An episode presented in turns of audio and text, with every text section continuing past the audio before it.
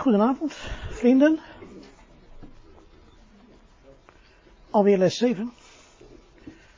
Uh, voordat ik ga beginnen wil ik even een opmerking vooraf maken. Uh, als je met uh, het Grieks bezig gaat, zoals we dat nu ook de afgelopen lessen gedaan hebben, dan word je steeds voorzichtiger met Gods woord. En dan bedoel ik eigenlijk, je leert steeds meer je eigen gedachten over Gods woord los te laten. Soms gebeurt het wel eens dat je jarenlang een bepaalde overtuiging hebt. En dan lees je de Griekse tekst en dan denk je nee, het is uh, toch anders. En dat kan soms heel erg pijnlijk zijn. En dat wil ik u vanavond laten zien. Ze krijgen een pijnlijk moment. Um, iets anders is dat ook uh, er veel meningsverschillen tussen broeders zijn. En als je dan in de Griekse tekst kijkt, dan zie je dat voor heel vaak dat je voor beide partijen eigenlijk wel goede argumenten hebt. Dat het niet zo is, zwart-wit, de ene heeft gelijk, de andere heeft niet gelijk. Maar dat de waarheid in het midden ligt. En dat vinden we soms heel moeilijk om dat te accepteren, dat de waarheid in het midden ligt. Maar dat betekent wel dat je dan elkaar ook vrij kunt laten in, in, in mensen, eh, als mensen bepaalde opvattingen hebben. Dus ik uh, zou zeggen dat de Griekse tekst maak je dus heel erg bescheiden in je opvattingen. Dat je zegt, ja, als iemand iets zegt, hè, wie het ook is, je zegt, nee, even kijken wat er precies staat. En dan denk je, ja, er valt iets voor te zeggen. Of, nou, dus je wordt daar heel erg uh, voorzichtig in. Als je, als je pas uh, met het geloof uh, kennis maakt, dan weet je het allemaal heel erg zeker. Gewoon, en, je ziet dan, als je dan verder gaat met, het woord, dat je dan heel veel dingen bij moet stellen. Ja. En dat geeft ook niet. Ook vandaag gaan we dus dingen bijstellen. En dat betekent dat je alleen maar verder komt. Ja. En vooral samen verder komt. Van de week had ik een gesprek met André en dan, dan merk je als je dan uh, met elkaar over het onderwerp waar ik vanavond ook over ga hebben, met elkaar spreekt, dat hij net even iets zegt, dan denk ik, oh ja, dat kan ik heel goed gebruiken voor, uh, voor vrijdag. Nou, daar gaan we dan. Um, wou ik ook nog even zeggen. Um, André heeft een toespraak gehouden in Emena Ezer over, 14 dagen geleden, over de vrucht van het licht. Misschien bent u daar bij geweest. Prachtig, prachtig toespraak, echt prachtige toespraak. En op een gegeven moment zei hij, als je wil weten waar je staat, dan moet je ook weten, dan moet je eerst weten waar je vandaan komt. En waar je naartoe gaat. Toen dacht ik, dat is nou, dat is het Grieks in een notendop, ja? Dat is het Grieks in een notendop. Waarom? Nou, in elke Griekse zin wordt er gezegd waar iets is of iemand is, waar iets of iemand vandaan komt, of waar iets of iemand naartoe gaat. Dus wat André zei was het in een notendop wat de Griekse dus is. Dus vanavond, we doen de hele avond niks anders kijken, waar gaat iets naartoe, waar komt iets vandaan en waar zijn we. Ja, dat is eigenlijk vanavond wat we gaan doen. In het Grieks laat dat zien aan de hand van de naamvallen. Ja?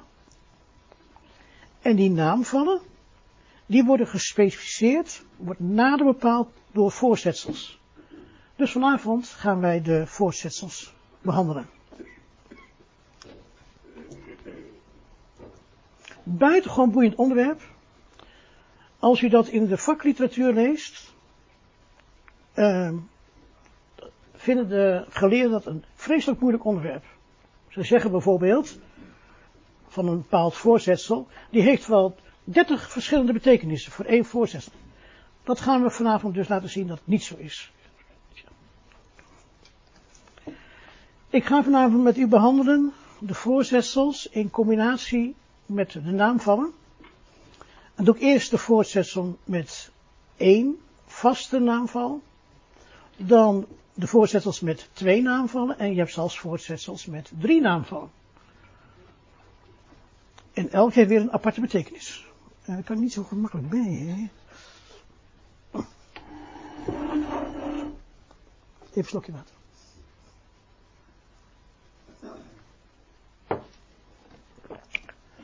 Oké, we gaan de voorzetsels met één vaste naamval doen.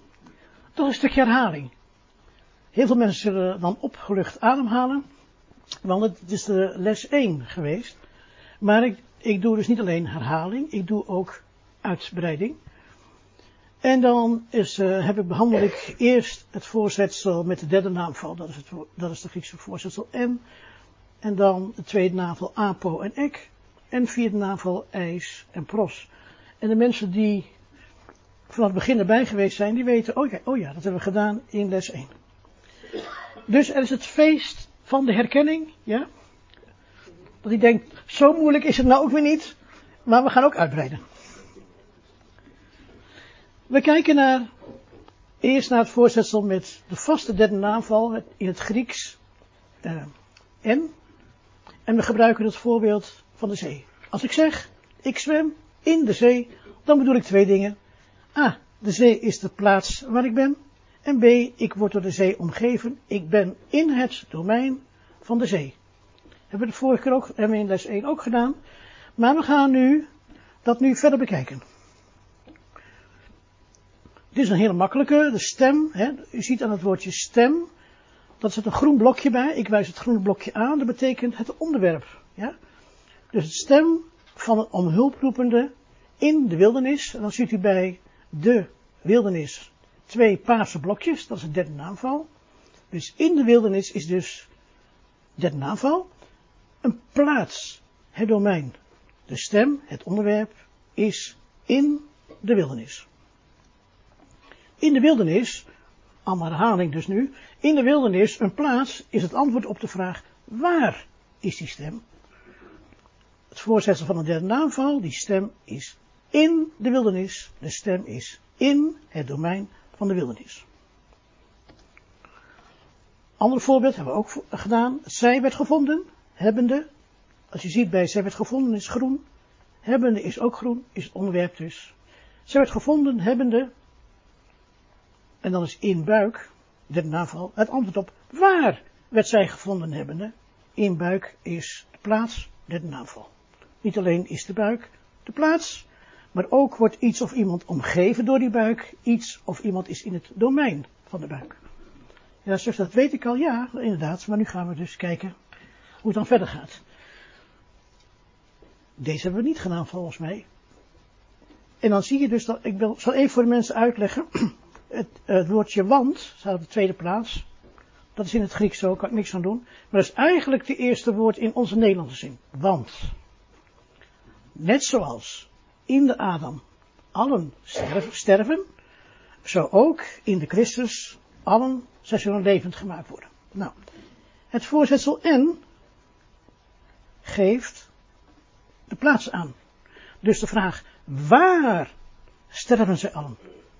Buitengewoon interessant, antwoord, allen sterven in de Adam. De bepaalde Adam. Want allen bevinden zich in het domein van de Adam. Dus welke mensen je op de wereld ook tegenkomt, zijn allemaal in de Adam. Daarom sterven ze ook. Maar als ze niet in de Adam waren, stierven ze niet. Ja, want allen sterven in de Adam. Want allen bevinden zich in het domein van de Adam. Hoe dat precies zit, uh, ga ik u nu niet uitleggen. Het was een goddelijke zaak trouwens. Het voorstel N geeft ook bij hier ook de plaats aan. Dus de vraag, waar zullen ze allen levend gemaakt worden? Antwoord, zo zullen ook allen in de Christus levend gemaakt worden. Want allen zullen zich in het domein van de Christus bevinden. Daarom vat God ook alles samen hè, in de Christus. Waarom? Nou, in de Christus worden alle levend gemaakt. Buitengewoon belangwekkende tekst. En dan moet dus de vraag stellen, waar worden ze levend gemaakt? In de Christus. Dat is het antwoord. De conclusie van het voorzetsel en plus de derde navel is dus, het geeft de plaats aan. Het antwoord op de vraag waar. En het voorzetsel en in het Grieks heeft een nader bepalende functie van de plaats, namelijk waar het is, het is namelijk in die plaats. Dus het woordje in geeft nog een extra uh, specificatie van de plaats. Het is in die plaats. Nu, wordt, nu, wordt, nu gaan we uitbreiding doen. Toegevoegde betekenissen. Met vertalingen uit het Grieks komen er andere idiomatische, dat betekent, uh, ander woord voor idiomatisch, begrijpelijke betekenissen van en bij. En zo wordt het Griekse voortzetsel en in de MBG naast het woord in als volgt weergegeven. Onder 113 keer, op 132 keer, met 140 keer, door 107 keer, bij 113 keer, over 7 keer enzovoorts. Terwijl er staat in. Dit geeft onjuiste betekenissen. Misschien wel in ons spraakgebruik, maar in het Grieks zijn het dus onjuiste betekenissen die in veel gevallen ook de plaatsbepaling van de derde naamval wegnemen. Als je zegt bijvoorbeeld door, 107 keer door, door heeft een andere naamval dan in. Dat betekent dat de plaatsbepaling weg is. Gaan we zo zien. Het eerste voorbeeld is uitgelaten 1 vers 16. En dan gaat het speciaal om het zinnetje die begint bij opdat. Opdat ik hem onder de heidenen verkondigen zou. En dan zie je dus in het Grieks staan. Opdat, dat ik het goede bericht zal brengen, hem, in de natie. Hier staat dus onder, in de Nederlandse vertaling. En hier staat dus in. Waarom staat hier onder? Nou, verkondigen onder. Maar er staat niet onder, er staat in. En het Griekse woord en betekent in als antwoord op de vraag waar breng ik hem als het goede bericht? En het antwoord is dus in het Grieks in de natie, namelijk in het domein van de natie. Het probleem is als je dus, heiden is sowieso natuurlijk al een uh, lastig woord, maar je moet het zo zien dat God kent eigenlijk het volk Israël en de natie. Twee groepen. Je hebt Israël en de natie. En Paulus zegt dus dat opdat ik het goede bericht zou brengen, namelijk hem, Christus, in de natie, in het domein van de natie. Niet onder de heidenen, in het domein van de natie. Want het, het Nederlandse voortzetsel onder, hè, onder, is in het Grieks hypo. En er staat helemaal geen dus en. Deze bijvoorbeeld, want wij zijn de besnijdenis die door de geest Gods hem dienen, die in Christus Jezus roemen en niet op vlees vertrouwen. Als u nu kijkt in Christus Jezus roemen, dan staat hier ook, en roemende in Christus Jezus. Helemaal goed. Nu staat er weer en, en niet in vlees vertrouwen hebben. En nu vertalen ze het woordje in met op. Terwijl eerst hier en staat, zeggen ze in, helemaal goed. En hier staat dus in en dan zeggen ze op. Ja, wordt er dan gezegd, hè, wij roemen uh, in en wij vertrouwen op. Ja, kan, maar uh, er staat dus in, ik ga, kom zo terug. Want het Nederlandse voorzetsel op is in het Grieks epi. Dat klopt al niet. Dan heb ik het nagezocht, nagezocht in, ja, in Wikipedia, dus niet mijn eigen werk. Ik lees nu voor uit andermans werk. Er zijn twee typen vertrouwen, namelijk vertrouwen op en vertrouwen in. Medewerkers die vertrouwen op het feit dat hun organisatie netjes het salaris uitbetaalt, hoeven nog geen vertrouwen te hebben in de directie. Maar als medewerkers er al niet meer op vertrouwen, op vertrouwen dat salarissen uitbetaald worden, dan is het vertrouwen in de organisatie zeker tot onder het nulpunt gedaald. Dus vertrouwen op is dus de basis waarop je kunt bouwen aan vertrouwen in. Nu gaan we terug Oh. Nee, die. Ja. Er staat dus niet, wij vertrouwen op het vlees. Staat er niet. Want vertrouwen op betekent rekenen op. Staat helemaal niet, wij rekenen op vlees. We hebben vertrouwen in, hè, of niet, want hier staat niet voor. We hebben niet vertrouwen in het vlees niet. We vertrouwen niet op het vlees, dan reken je op iets. Hebben we dat? Dat is misschien een hele subtiele uh, onderscheid. Maar ik wil alleen maar laten zeggen dat je dus, als hier staat, wij vertrouwen niet op vlees. Dat is niet hetzelfde als wij vertrouwen niet in het vlees. Nou, dat is een bekende natuurlijk. Ik heb u gedoopt met water. U ziet het woordje met, met water. En er staat dus in het Grieks in water. Dat is een erg groot verschil. Met water kunt u zien in de reformatorische kerken. Dat er een klein bakje is waar je het water dus uithaalt en iemand dus doopt met water. Maar hier staat dus dopen in water, namelijk, het is de antwoord op de vraag, waar doop ik jullie? Welke plaats, waar doop ik jullie? En, en dan is het antwoord in het domein van water. Er is absoluut niet dopen met water in deze zin, maar dopen in water. Dan zegt iemand, ja, dan zal hij ook niet dopen met de Heilige Geest. Nee, ook niet. Hij doopt dus in de Heilige Geest. Dat ziet u ook hier staan, in en niet met. Ja, zou haast een persoonlijk relaas willen vertellen hoe geestgeleiders geprobeerd hebben mij met Heilige Geest te dopen, maar dat zal ik u niet aandoen, dat verhaal. Gewoon. Het kon ook niet. Het kon ook niet. Want, nee, dat kon ook niet. Ja, ja. Ik hoor, ik zie al zulke gebaren. Ja. Nee, maar dopen met, dat wil zeggen het instrument, ja. En dopen in is de plaats waar je gedoopt wordt. Nu ga ik iets heel belangrijks tegen u zeggen. Dat wil niet zeggen dat ik deze zin begrijp, dat zeg ik dus niet. Ik zeg niet tegen u, ja leg dan eens uit wat het is, dopen in heilige geest. Dat, ik ben dus geen, uh, ik ben dus geen uitleg. Ik laat u alleen zien wat er staat.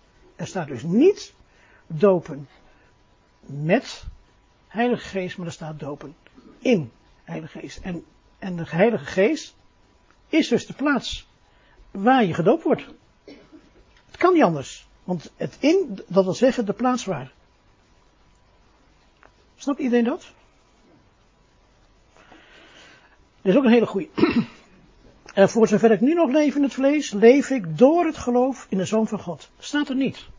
Er staat niet door het geloof, er staat dus, ik leef in geloof. Dat is de plaats waar. Door betekent door middel van. Ik leef door middel van het geloof. Nee, je, je, je leeft in het geloof. Dat is de plaats waar je dus leeft. Het domein waar je in, bent. Je bent in het domein van, van geloof. Je gebruikt het geloof niet om, uh, om te leven. Nee, je bent, je leeft in het domein van het geloof. En welk geloof? Het geloof van de Zoon van God. Want hier ziet u dus het woordje T, hoort nog bij piste, bij geloof, dus in geloof. Welk geloof? Nou, het geloof van de Zoon van God. Dus Gods Zoon gelooft en in dat geloof, daar leef je in. Dat is wat, wat hier staat. Ja, omdenken is dit, hè? Omdenken. Oh ja, wees in geen ding bezorgd, maar laat hem bij alles uw wensen enzovoorts. En dan staat hij bij. Want bij betekent ernaast. En dat staat er niet, er staat dus in alles. In alles. Dus het Griekse woord en, in, betekent als antwoord op de vraag, waar nadat die verzoeken van jullie bekend worden in het domein van alles. Dus in alles, niet bij alles. Dat betekent dat je alles hebt en daarnaast heb je ook nog wat. Nee, het is in. In het domein van alles laat je dan je dankzegging uh, met je smeekbezig bekend worden. Naar God. Begrijp iedereen dat? Het woordje bij kan niet, want het is het Grieks para. Het kan gewoon niet. Ook een vers, uh, het gaat om, om, vooral om dit stukje, opdat ik in u mijn kracht zou tonen en mijn naam verbreid zou worden over de hele gehele aarde. Er staat niet over, er staat dus in. Kun je zeggen, is toch hetzelfde? Nee, want het staat in, ja, dus waar wordt mijn naam afgekondigd? In het domein van alle aarde of gehele aarde. Want het woordje over is hyper in het Grieks. En dan kun je zeggen, ja, wij zeggen in het Nederlands, het wordt verbreid over. Ja, het interessante is dat er dus helemaal geen verbreid staat. Begrijp je? Het is volkomen verkeerde gedachte. Ze zeggen ja, wij gebruiken het vertaalwoord verbreiden. En na verbreiden kun je dus over. Ik verbreid uh, over. Maar er staat helemaal geen verbreid, er staat afkondigen. Kijk u maar, er staat afgekondigd zou worden. Dat helemaal niet verbreid worden. Dus je hebt het woordje over helemaal niet nodig. Je hebt het woordje over alleen maar nodig als je de vertaling volgt. Ja? Niet als je de tekst volgt. Als je de tekst volgt, dan wordt afgekondigd. Waar wordt die naam van mij afgekondigd? In het domein van de hele aarde. Ja? Dat staat er dus. Dus, we hebben een standaard betekenis. En we hebben dus idiomatische betekenissen dus afgeleid van de vertaling. Ja? Dus deze Nederland, goed luisteren, erg belangrijk hè. Deze, deze Nederlandse vertalingen van het Griekse woord en, dus onder, op, met, door, bij, over, die geven dus niet de standaardbetekenis van het Griekse woord en. Dit zijn idiomatische betekenissen die door een vertaling veroorzaakt worden. Het probleem is, als je de vakliteratuur leest, dan zeggen ze nee, in betekent en, hè, het, woord, het Griekse woord en, betekent ook onder, betekent ook op, betekent ook met, ja, dank je de koekoek, ja. Helemaal niet, dat betekent gewoon in. En die andere betekenissen, onder, op, die worden veroorzaakt door de Nederlandse vertaling. Ik geef dus niet de betekenis van het Grieks.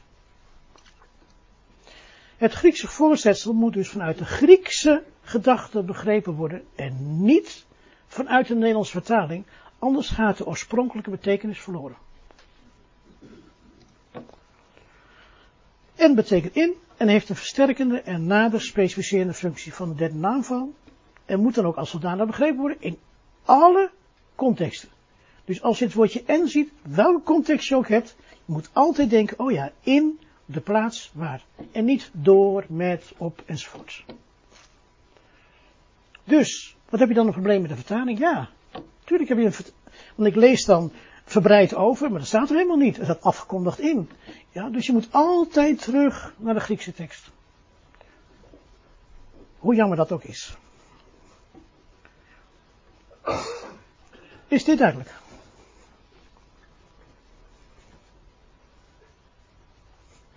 Mooi. Gaan we naar de voorstels met het vaste tweede navel. Want nou begint het pas. Nou begint het pas, hè. Nou begint het pas. Eerste voorstel hebben we ook gedaan, les 1, vanaf. Als ik zeg, ik kom vanaf de zee, dan betekent dat ik vlak bij de zee was, niet erin, en dat ik er vanaf gegaan ben, weg van de plaats van de zee. Ik verwijder mij van de zee. Vanaf is dus het vertrekpunt. Het is een zich verwijderen van.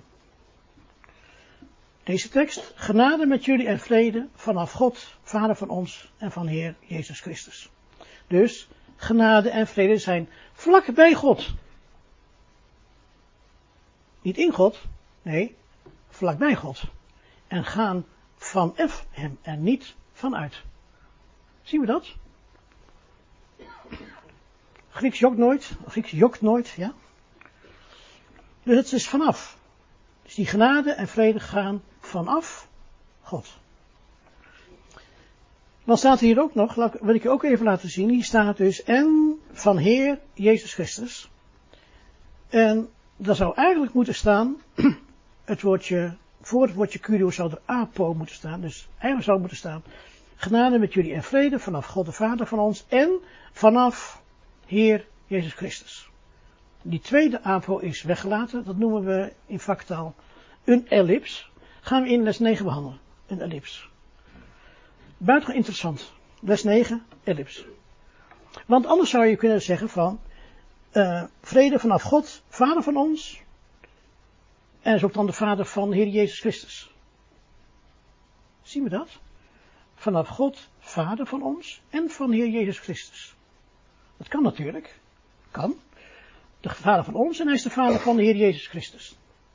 Maar er hoort eigenlijk, nu kom je op het gebied van uh, interpretatie, ellips te zijn. Ja. Komen, komen nog uitgebreid op terug in les 9. Dat je ellips kunt herkennen. Goed. Ja, heel fijn vandaag. We zullen gered worden door hem vanaf de boosheid. Heb ik in les 1 ook behandeld. We zullen door hem niet vanuit de boosheid gered worden, maar vanaf de boosheid.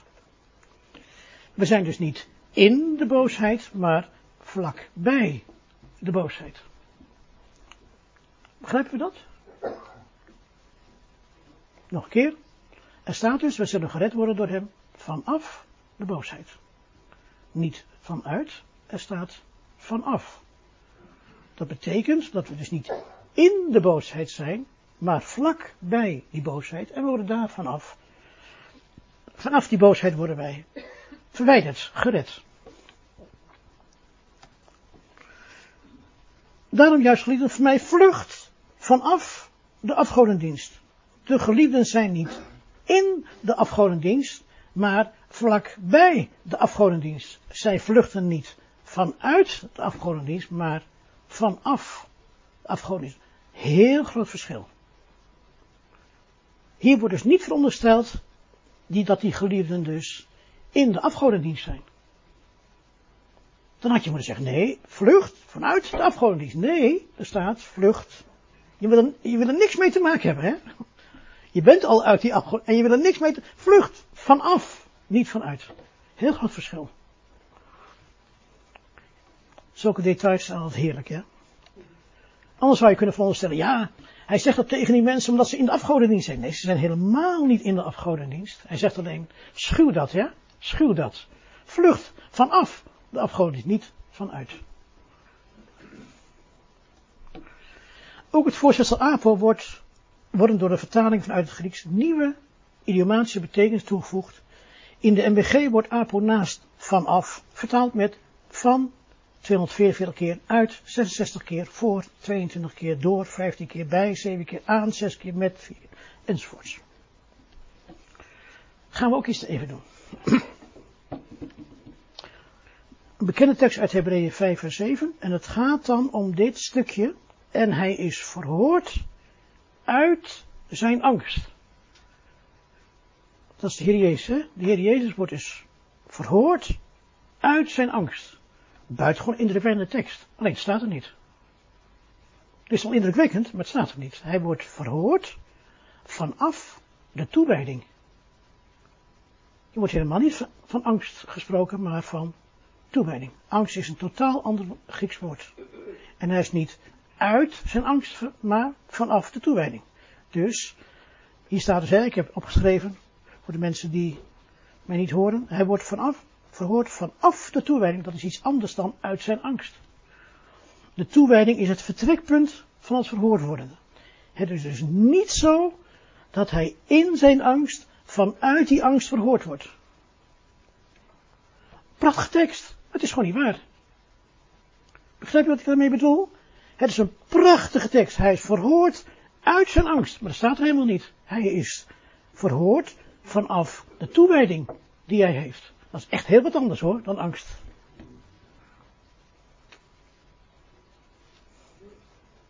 Ik zou zeggen, ja. Dat wil niet zeggen dat de Heer niet angstig geweest is. Ja, dat zeg ik niet. In Gethsemane was hij zeker angstig, ja. Maar dit staat helemaal niet op Gethsemane. Dat, dat, dat wordt hier gesuggereerd, ja. Maar dat staat er dus niet. Hij wordt dus verhoord vanaf de toewijding. Dat staat er dus. En het zou ons, ons sieren, denk ik, dat we dus onze Heer de eer geven dat hij toegewijd was. Ja.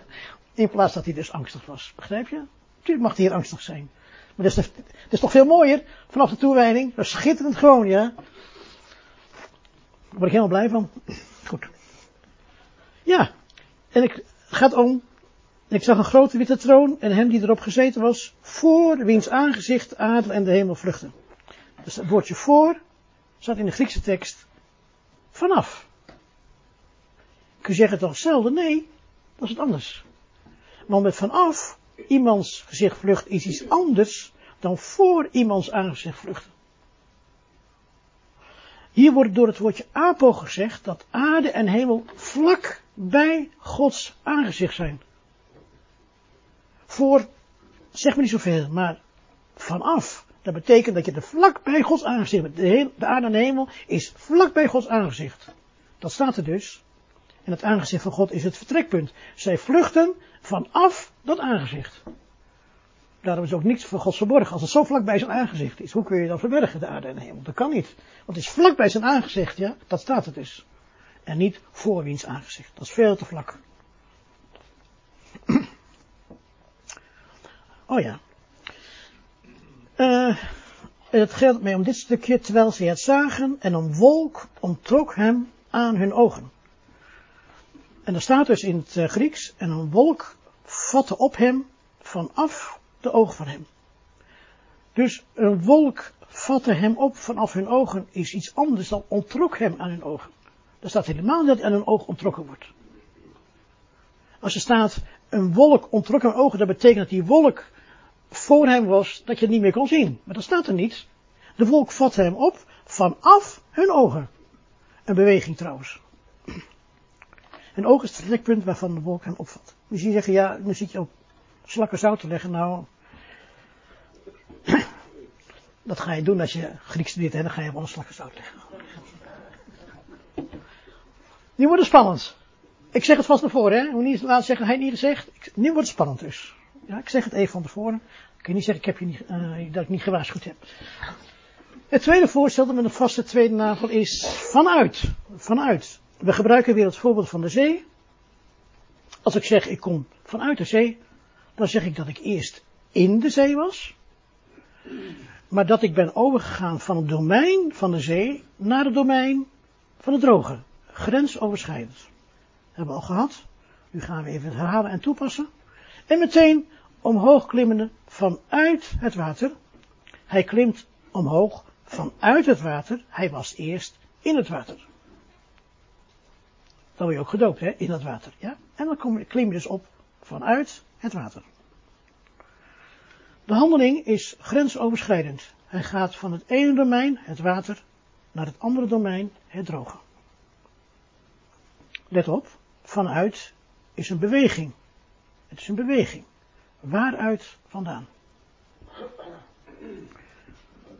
Dan deze, Romeins 6 vers 4, opdat net zoals hij werd gewekt, Christus vanuit de doden, ja, door de heerlijkheid van de Vader. Christus was eerst in het domein van doden. De handeling gewekt worden is grensoverschrijdend. Christus gaat vanuit het ene domein, de doden, naar het andere domein, de levenden. Dus let op, vanuit is een beweging, waaruit vandaan. Ik had die voorgelezen. Ook bij het voorzetsel ek worden door vertaling vanuit het Grieks nieuwe idiomatische betekenissen toegevoegd. Het voorzetsel ek krijgt in de MBG naast de standaardbetekenis vanuit de volgende idiomatische betekenissen. Van, aan, tot, vanwege, bij, in, met, voor, door, naar. Goed, enzovoorts. Let even op hoe subtiel het Grieks is. Let op hoe subtiel het Grieks is. Het gaat om het stukje, dan komt zijn lof niet van mensen, maar van God. Wat staat weer het Grieks? Van wie de lof? Niet vanuit mensen, maar vanuit de God. Als hij zegt van mensen, dan betekent vanaf. Terwijl het Grieks is vanuit. Van binnenuit. Dus onze lof, die wij straks van God komen, die komt vanuit God. Niet van God. Van God, ja. Nee, vanuit God. Mooi hè? Dat, gaat echt van harte hoor straks, onze lof van God. Als God dus ons lof gaat geven, het gaat van harte. Het gaat van binnenuit, ja? Niet vanaf, vanuit. Christus heeft ons vrijgekocht van de vloek der wet, ja? Ook hier heeft de betaling van de betekenis vanaf. Hij heeft ons vrijgekocht vanaf de vloek. Nee, vanuit de vloek. Dat betekent dat we eerst erin waren. Eerst waren wij in de vloek. En nu koopt Christus ons uit vanuit de vloek. Dat wil zeggen, wij gaan over van het, uit van het ene domein, de vloek, in het andere domein, niet vloek. Dat betekent als Christus je niet vrijgekocht heeft, dan ben je nog in de vloek, ja? Het is niet zo dat je, ja, vloek, vloek. Nee, je bent erin. Je bent in het domein van de vloek. En Christus koopt ons uit, uit het domein van de vloek. Dat staat er in het Grieks. Buitengewoon krachtig, als je het mij vraagt. Nou komt hij. Het spijt mij, broeders, het spijt mij, het spijt mij. En uit de hemelen zijn zoon verwachten die hij uit de doden opgewekt heeft. Jezus die ons verlost van de komende toren. Staat in MBG. Heel fijn, maar dat staat er niet. Er staat dus vanuit de boosheid de komende. In les 1 heb ik gesproken dat God redt ons vanaf de boosheid. En in les 2 kwam er een lieve broeder naar mij toe en die zei, heb ik altijd gezegd, heb ik altijd gezegd, wij gaan niet door de grote verdrukking. Je zegt nou zelf, vanaf de boosheid. Ja? Maar hier staat, vanuit. En dan heb je dus een probleem. Begrijp je? Begrijp je dat? Als je dus gelooft dat je eerst denkt vanaf de boosheid. En dan ga je hier dus kijken naar uh, Thessalonians 1. En dan staat vanuit de komende boosheid. Fijn hè, Guus? Fijn hè? Ja, echt fijn hè? Nou, dat bedoel ik nou. Kijk, ik ben even heel serieus hè. We lachen erom natuurlijk. Ik heb zelf ook omgelachen van mezelf. Want je kunt iets, volledig van iets overtuigd zijn hè. Op preek over gehoord hebben. Maar hier staat gewoon vanuit. Daar kun je gewoon niet omheen. Hier staat dus vanuit. Dat wil zeggen dat je erin bent. Anders kun je niet ervan uitgaan. Hoe zit het dan? Jezus zet ons niet uit van, oftewel vanaf de komende boosheid, maar vanuit de komende boosheid. Deze kwestie verdient onze nadere beschouwing, omdat de heersende mening in de christenheid is dat wij niet door de grote verdrukking gaan. Toch? Is die komende boosheid dan de grote verdrukking? Dat is de vraag natuurlijk, ja? Oké. Het bijzondere is, spreken deze twee teksten elkaar tegen. Je hebt dus Romeinen 5 vers 9, we zullen gered worden door hem vanaf de boosheid. Ja, ja, ja, ja, ja, ja, maar in Thessalonians staat degene uit ons uit, vanuit de boosheid. Spreekt de schrift zichzelf tegen, ja? Uit, uiteraard niet, maar dan moet je dus wel even, moet even slikken. Toen ik dit zag, ja, ik, u denkt van, ja, dat weet je allemaal lang, dat heb je al jaren weet. Nee, dit zag ik dus uh, verleden week. En ik zou u allerlei leuke dingen, ik zou u allemaal leuke dingen gaan vertellen. Ik zou u allemaal leuke dingen gaan vertellen en dan kom ik dit tegen. Ja, dat is verschrikken. Toch of niet? Dat noem ik nou, dat in het licht van de schrift kunnen soms pijnlijke dingen naar voren komen. Maar gelukkig is het niet zo pijnlijk. Dus ik stel je gerust, het is niet zo pijnlijk. Nee, nee, nee, nee. Het is niet zo pijnlijk, alleen ik wil even dat dit even, ik wil dat dit even binnenkomt. Ik wil even graag dat dit binnenkomt. Hè? Ja, ik ga het uitleggen. Ik moet wel zeggen, ik heb, ik moet wel even zeggen, hè. Ook heel belangrijk is, hè, dat, dat is geen grapje, dat de schrift zegt dat wij samen, hè, alle heiligen samen, hè, kunnen we de, lengte en de diepte en de breedte van de liefde van Christus kennen. Dat betekent dat we elkaar nodig hebben. Dus ik had het even zo met André Pieter over van de, van de komende boosheid. En toen gaf hij mij een hint, zodat we nu die hint nu aan u voorgelegd. Ja? Die tekst van vanuit de boosheid komt voor in 1 Thessalonicense. Vers 1, vers 10 in dat, diezelfde brief, 1 Thessalonicense 4, die tekst kent u allemaal, want die wordt bij elke begrafenis altijd voorgelezen. Deze niet. Oh nee, laat ik even, ik ga te snel, zie ik nu. Ik mag niet te snel gaan. We gaan eerst kijken wat het verschil tussen die twee uh, teksten is, vanaf de boosheid. Eerst Romeinen 5 vers 9. Wij zullen gered worden door hem vanaf de boosheid. Het staat in Romeinen 5 vers 9. En als u het een klein beetje als concurrente broeders weet u dat, dat het leerstellige gedeelte van de Romeinenbrief, hè, dus hè, het leerstellige gedeelte, bevat twee grote delen. Een individueel gedeelte en een nationaal gedeelte. En Romeinen 5 vers 9 staat in de context van het individuele gedeelte van de rechtvaardiging en verzoening. En die individuele gedeelte gaat over het oordeel van God en zijn bepaalde boosheid. Hè? Want er staat vanaf de boosheid, niet vanaf boosheid, vanaf de boosheid, vanaf zijn bepaalde boosheid.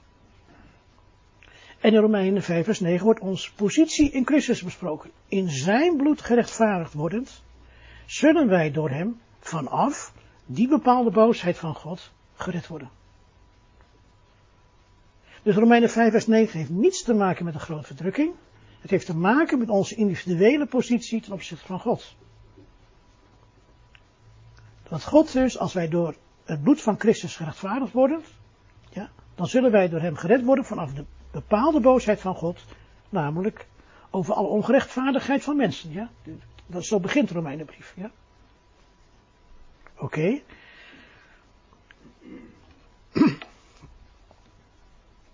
In 1 Thessalonians 1 vers 10 worden wij opgeroepen, Gods Zoon, Jezus, vanuit de hemelen op te wachten, die ons uitredt vanuit de komende boosheid. Dit vers spreekt niet over de boosheid in het oordeel van God over individuele zondaars, zoals in Romeinen 5 vers 9, maar over de bepaalde boosheid, de bepaalde komende. Dus vanuit de boosheid, de komende. Welke boosheid is dit? In 1 Thessalonicense 1 vers 10 wordt gezegd dat wij uitgered worden vanuit de komende boosheid. In 1 Thessalonicense 4 vers 17, daar staat dus dat dus Christus komt. Ja. En wij zullen dus, staat hier, uh, niet weggevoerd worden, de Heer tegemoet in de lucht, maar we zullen gegrist worden in wolken om de Heer te ontmoeten. Ja. Wij worden gegrist. Nou, het woord grissen heeft dus, betekent iets snel pakken, ja. Dat betekent grissen. Datzelfde woord grissen wordt gebruikt in openbaringen 12 vers 5 waarin gesproken wordt over het kind van haar, van de vrouw, naartoe de God en naartoe, de troon van hem wordt gegrist. Dus dat kind wordt gegrist. Exact hetzelfde woord als in 1 Thessalonians 4. En dit vers staat in de context van dat de draak het kind wil verslinden. Het kind wordt gegrist naartoe God en op dezelfde wijze wordt het kind dus uitgered vanuit de komende boosheid van de draak. Dus, openbaring 12 vers 5 gaat over de vrouw die baart een kind. Die draak wil dat kind verslinden, maar dat kind wordt gegrist naar God en zijn troon. Hetzelfde woord grissen wat is in 1 Thessalonians 4 gebruikt wordt.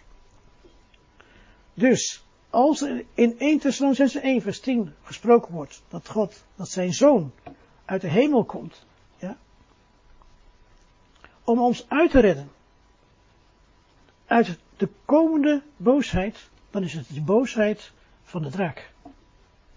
Als je de schrift met schrift vergelijkt. Er komt nog iets bij.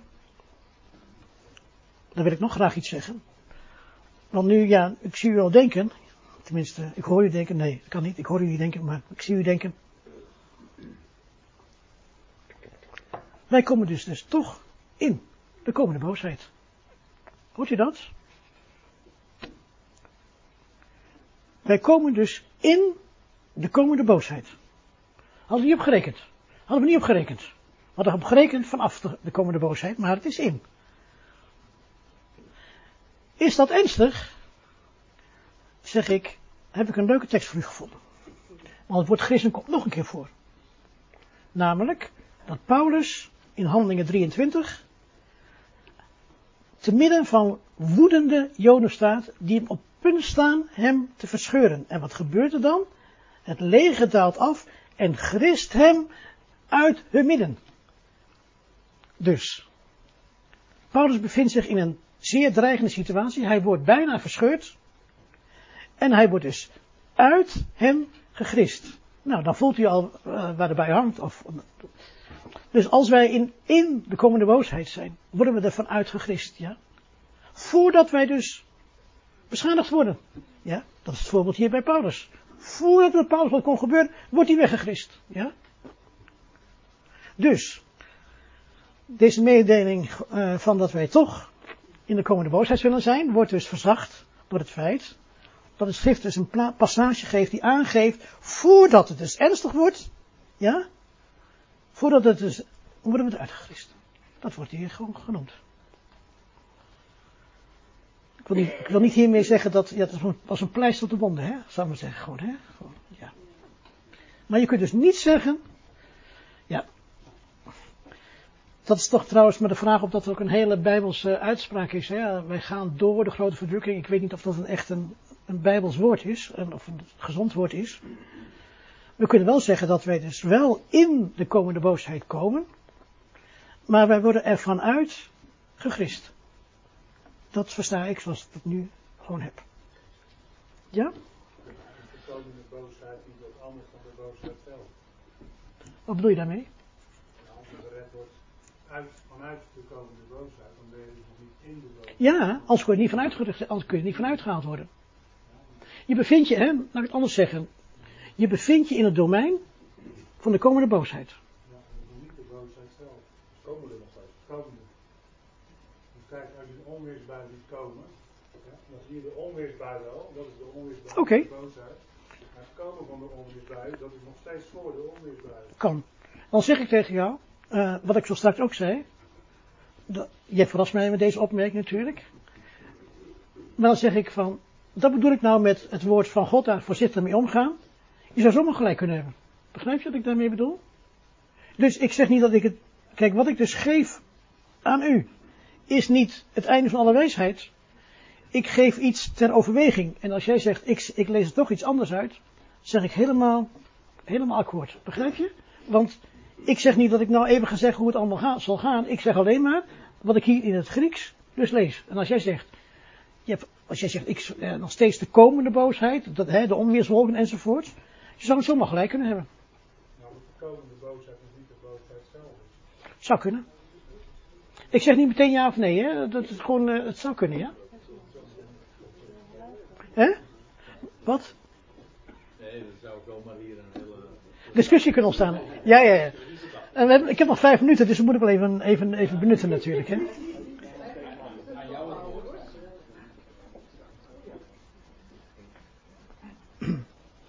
Ja. Dus zo kan zo'n voorzetsel toch een hele. Begrijp je wat ik mee bedoel met, met zo'n voorzetsel kan opeens dus een hele andere. Uh, hè, dus heeft een bepaalde betekenis. En in een bepaalde context kan het dus opeens hè, dus iets anders zijn, ja. En uh, ik weet genoeg argumenten waarom. We leven het genadetijdperk enzovoort. Zijn we ambassadeurs. En ik, ik, al die uitdrukkingen ken ik allemaal. Ik zeg alleen maar.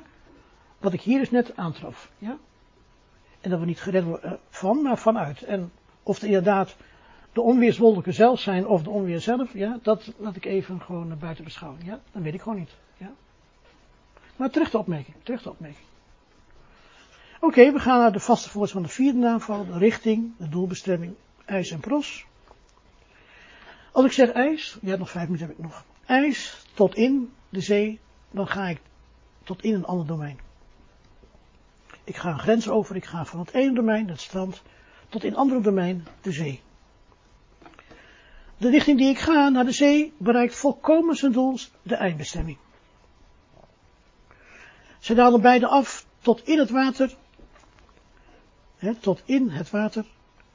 De vraag is, waar naartoe dalen zij beide af? Het antwoord is, tot in. Grensoverschrijdend. Tot in het water.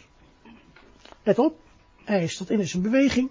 Het water is de eindbestemming van het afdalen. Het doel wordt volkomen bereikt. Dus, als wij tot in Christus Jezus gedoopt worden. Wij worden niet gedoopt in Christus, in Christus Jezus, dat kan niet. Ja? Je kunt niet in Christus Jezus gedoopt worden. Je kunt alleen tot in Christus Jezus gedoopt worden. Wij, gaan over van het ene domein, niet Christus, Jezus, tot in het andere domein, Christus, Jezus. Dus eerst waren we niet in Christus Jezus en we worden gedoopt tot in Christus Jezus. En het is heel belangrijk dat wij tot in Christus Jezus gedoopt worden. Want we hebben, zo straks hebben wij gelezen dat wij levend gemaakt worden in Christus. Ja? Dus als wij in Christus Jezus gedoopt zijn, worden wij levend gemaakt. Zo simpel is het verhaal, ja. Zo belangrijk is deze zin. Wij overschrijden de grens, we bevinden ons nu in een ander domein. Christus Jezus is de eindbestemming, een doel dat volkomen bereikt wordt. Hier staat dat het vriendelijke van God, het vriendelijke van de God, leidt jou tot inbezinning. Dat wil zeggen, waar leidt het vriendelijke jou naartoe?